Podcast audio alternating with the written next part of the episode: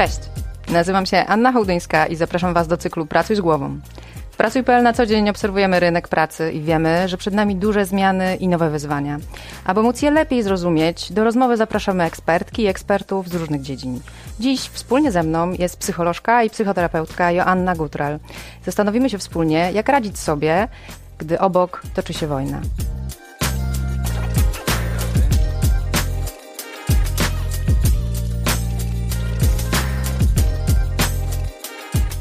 Jak to jest, że po dwóch latach życia w strachu, przez to, co pandemia zmieniła w naszym życiu, e, przez to, że mm, dla wielu nas, z nas bardzo dużo to zmieniło, już zaczęliśmy się tak naprawdę powoli oswajać z tą sytuacją, bo przyszedł marzec, kiedy większość z nas już zaczęła wracać powoli do swojego stałego trybu i wiemy już, jak e, oswoić pandemię.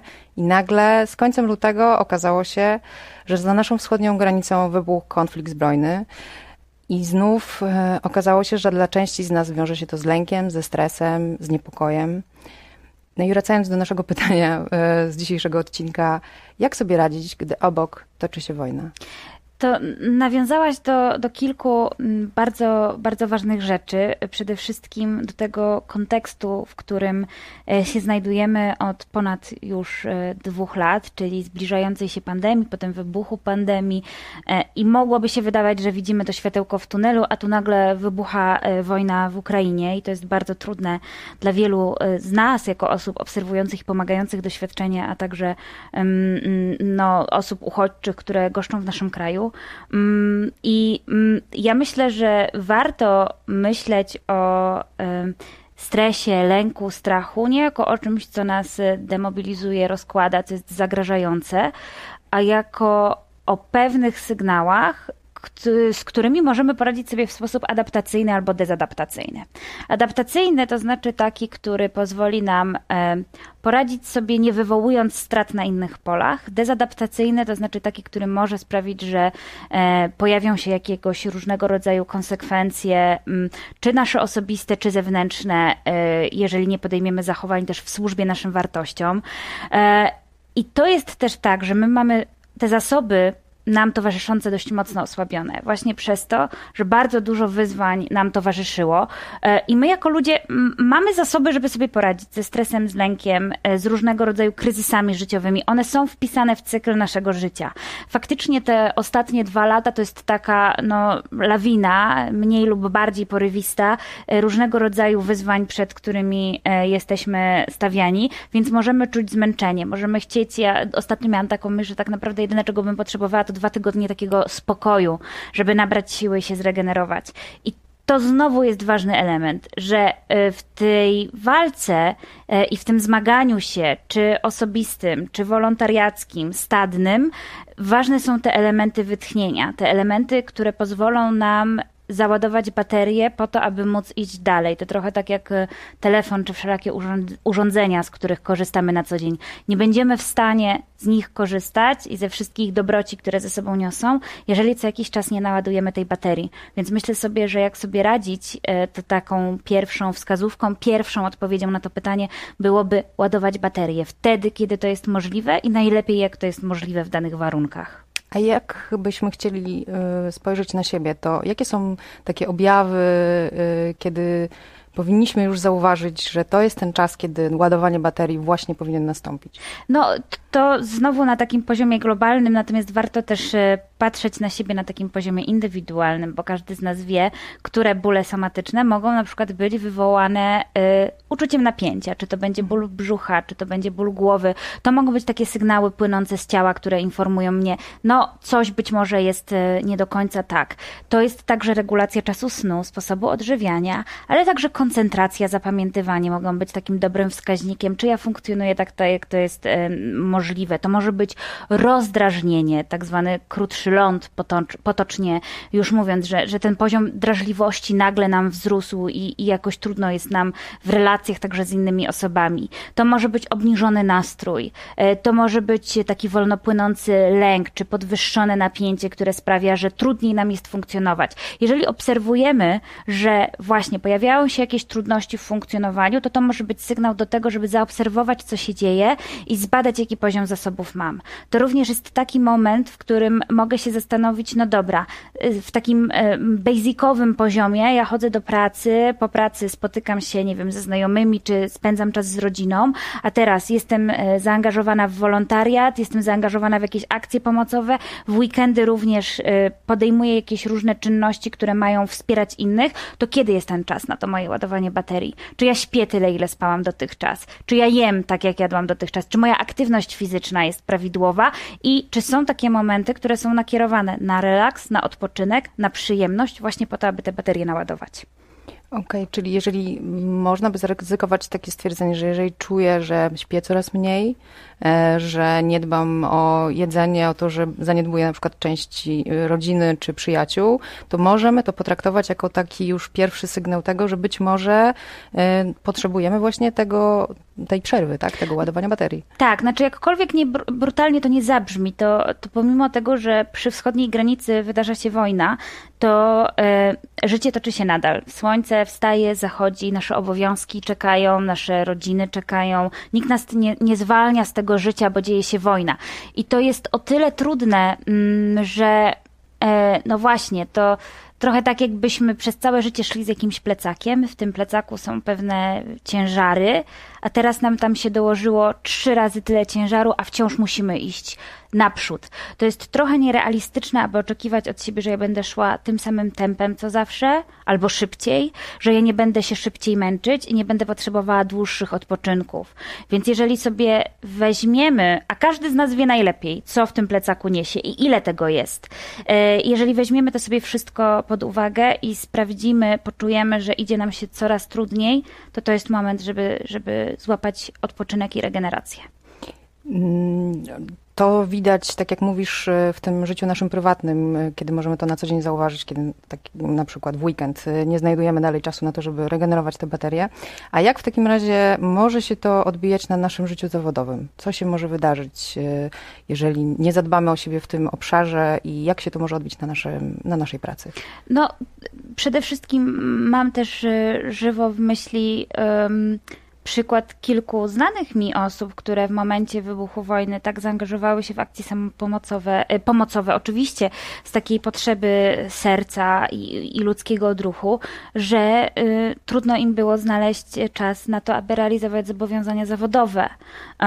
I potem okazało się, że to rodziło ze sobą różnego rodzaju konsekwencje, albo wymagało nadganiania pracy i zarywania nocy, i nie do, nie do jedzenia, i nie do opiekowania tej swojej części fizycznej, fizyczno-fizjologicznej, e, no i zaczęły się kolejne konsekwencje na takim poziomie poznawczym, czyli co, im mniej śpię, no mój mózg też potrzebuje czasu na to, żeby się zregenerować i e, tym gorzej pamiętam, tym gorzej się organizuję, e, mój poziom drażliwości, drażliwości rośnie, więc zaczynają się jakieś konflikty i napięcia w pracy czy w środowisku pracy, gdzieś zapominam o jakichś drobnych rzeczach, czego wcześniej nie robiłam i nagle projekty zaczynają mi się rozjeżdżać, no i to mogą być pewnego rodzaju konsekwencje, które znowu przynosimy do domu, no bo fatalny dzień w pracy, duży poziom napięcia, trzeba go jakoś rozładować, a jeżeli po pracy idziemy na wolontariat, no to w zasadzie robi nam się e, pewna trudność w rozładowaniu napięcia i naładowaniu tych baterii i to mogą być pewnego rodzaju konsekwencje, więc zarówno na takim poziomie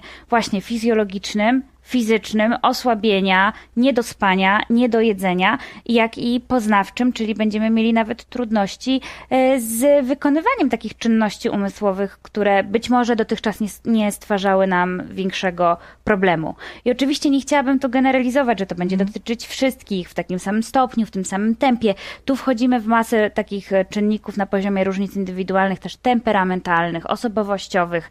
E, no i każdy z nas jest tak na tym swoim poletku e, w trochę innej sytuacji życiowej. Jedni e, mają większe wsparcie, mniej problemów osobistych, a inni, no tak jak powiedziałam, że to życie toczy się nadal, mogą także gdzieś e, w życiu prywatnym doświadczać różnego rodzaju trudności i niepewności.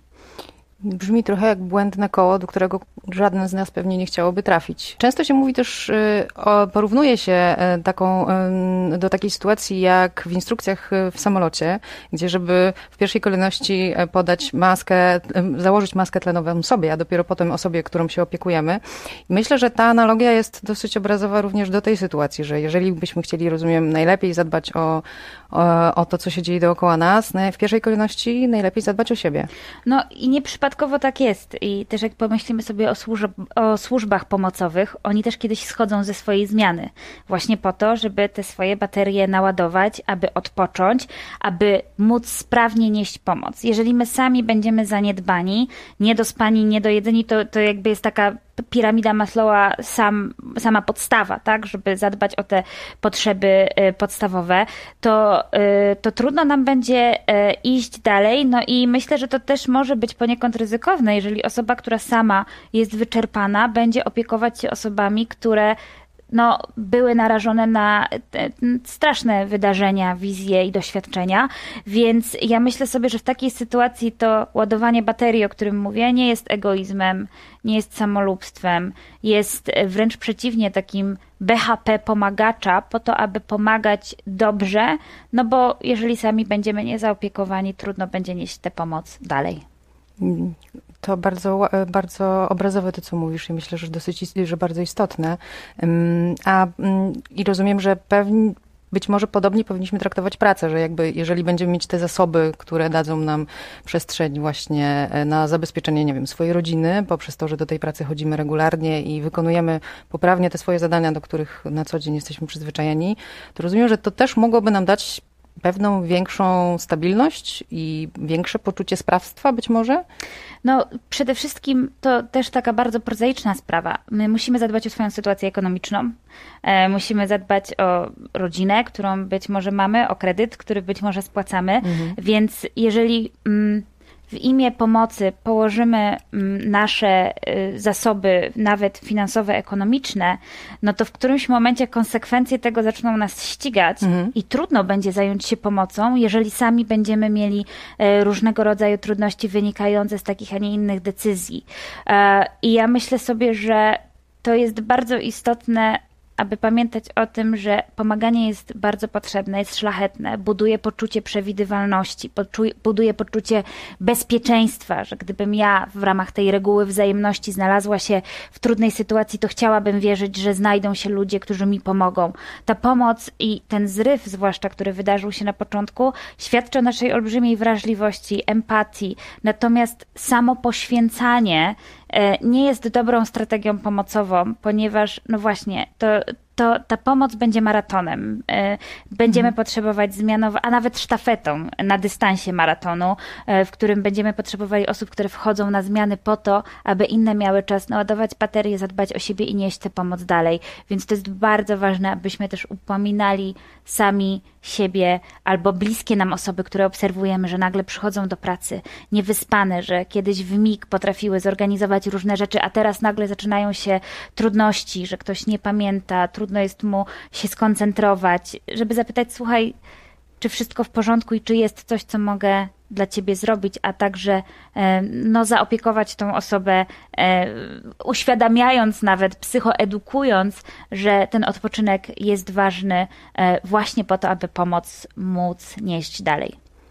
Mm, a to, to, to bardzo e, ważne to, co mówisz, a jeżeli mm, zauważam u mm, współpracowników e, właśnie, że rośnie ta irytacja albo rozdrażnienie e, jakimiś prozaicznymi czynnościami, czy tym, że coś nie doszło na czas na przykład dużo bardziej niż miało to miejsce wcześniej, czy właśnie ktoś o czymś wiecznie zapomina, widać, że jest niedospany.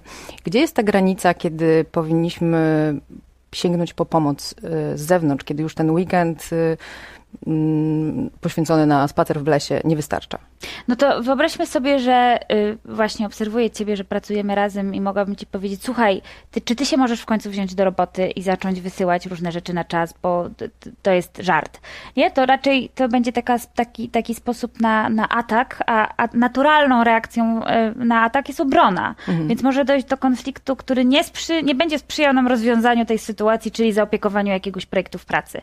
Ale jeżeli przyjdę do ciebie i powiem, słuchaj Ania, martwię się, widzę, że dzieje się coś innego niż dotychczas, że jesteś bardziej zdekoncentrowana, że rzeczy, które robiłaś w mig, nagle ci umykają. To się przekłada na naszą pracę. Co jest? Czy możesz mi powiedzieć, co, co, co się dzieje? Czy mogę coś dla ciebie zrobić? Czy mogę ci jakoś pomóc? To otwieramy taką przestrzeń na to, żeby powiedzieć, słuchaj, no byłam na tym wolontariacie, na, na pomocy, no mało spałam, tutaj jeszcze dziecko choruje, wiesz, siedzi mhm. w domu, no, no posypało mi się logistycznie różne kwestie to możemy się zastanowić, co możemy zrobić, w jaki sposób ja mogę cię odciążyć, bo zależy mi na y, mojej koleżance z pracy, ale zależy mi też na tym, aby projekt się zrealizował. Mhm. Y, I możemy dojść do takiego wniosku, że no to może potrzeba wziąć tych kilka dni wolnego, żeby załadować te baterie. Y, albo potrzebuję skorzystać z opieki psychologicznej, z opieki specjalisty. No i tutaj Myślę sobie, że to jest takie pytanie, na które psychologowie często odpowiadają, to zależy, bo hmm. nie ma jasnej granicy człowiek ma pewne zdolności do redukcji swojego napięcia. E, część z nas ma te umiejętności bardziej rozbudowane, część mniej. Na przykład taką podstawową, czyli właśnie odespać, zadbać o dobre wyżywienie i włączyć aktywność fizyczną.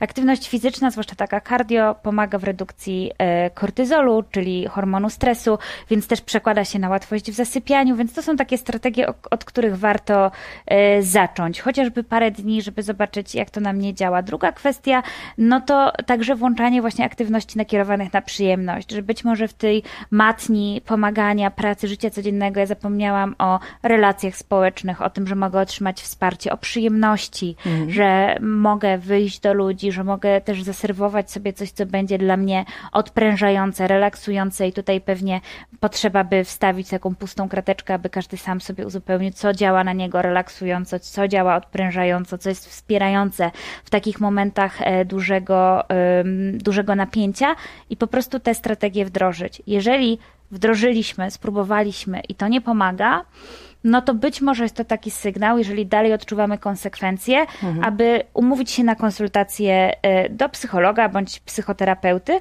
i zobaczyć. Czasami okazuje się, że kilka konsultacji może być wystarczające, aby właśnie e, nazwać sobie te strategie regulacji napięcia, wdrożyć je, a czasami no, może być to jakiś powód do rozpoczęcia psychoterapii. Wiem, że dla wszystkich być może mm, zdecydowanie się na pomoc y, psychoterapeutyczną na przykład jest y, proste, jeżeli też na przykład nie mieli z tym wcześniej doświadczeń. Mm, jeżeli widzę, że ktoś y, z mojego bliskiego otoczenia, na przykład właśnie z biura, no, wydaje mi się, że już by takiej potrzeb pomocy potrzebował, tak to mogę ocenić. Jak to mądrze zasugerować, tak żeby mm, no, żeby nie zrobić nikomu krzywdy i nie zasugerować czegoś, co, co mógłby źle odebrać na przykład. Ja jestem fanką komunikatu ja. Mhm. Mówienia o tym, co ja widzę i co mnie niepokoi. Jeżeli powiem ci, słuchaj, ty powinnaś iść do psychoterapeuty, to ja staję w perspektywie osoby, która wie lepiej, co ty powinnaś, czyli w jakiejś mhm. nadrzędności. A uważam, że to nie jest w porządku w relacjach partnerskich, raczej w takich relacjach czy zawodowych, czy koleżeńskich, mhm. jesteśmy równorzędni. Więc ja mogę nazwać to, co mnie niepokoi. Anka, słuchaj, widzę cię, jesteś smutniejsza od dwóch tygodni.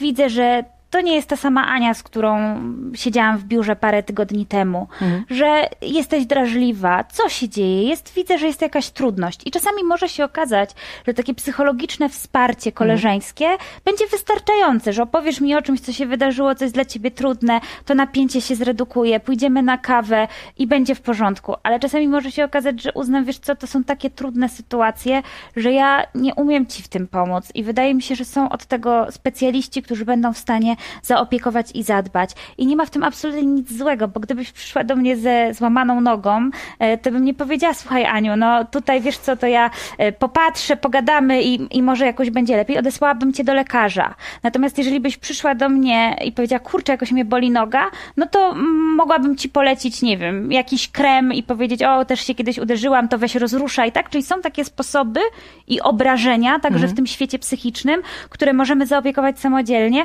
ale jeżeli dzieje się coś, co przerasta nasze możliwości, przerasta w ogóle naszą e, możliwość udźwignięcia czy zaopiekowania, mhm. no to po prostu odeślijmy do osób, które zajmują się tym. Profesjonalnie i to również jest e, mieści się w ramach tej e, przyjacielskiej pomocy psychologicznej, po to, żeby zaopiekować i zaoferować, słuchaj, ja mogę ci pomóc poszukać terapeuty, albo jakoś mogę z tobą iść na tą wizytę o. i posiedzieć, poczekać w poczekalni, jeżeli to będzie dla ciebie e, wspierające, natomiast nie stawać w buty psychoterapeuty, jeśli tym psychoterapeutą nie jesteśmy, a dla swoich znajomych też psychoterapeutami się nie stajemy. Dobrze, jeżeli wiemy, jak zadbać o siebie i e, o otoczenie nasze najbliższe, to mm, prawdopodobnie każdego z nas, każdą z nas za chwilę e, spotka taka sytuacja, że też te osoby, które do nas przybyły, też czy w kryzysie uchodźczym, czy te, które już na stałe zdecydowały się tutaj e, zostać z nami, no, będziemy spotykać w pracy. Być może część z nich też będzie miała te objawy stresu, czy, czy, dla, dla, czy im, czy tym osobom w taki sam sposób y, powinniśmy proponować pomoc, czy traktować ich jakoś specjalnie, inaczej, być może na coś zwrócić uwagę mhm. bardziej? To też jest tak, że mm, no, mm, mówimy o osobach, które w większości doświadczyły traumatycznych wydarzeń, a także w dalszym ciągu są pod wpływem silnego stresu, bo ta wojna nadal trwa.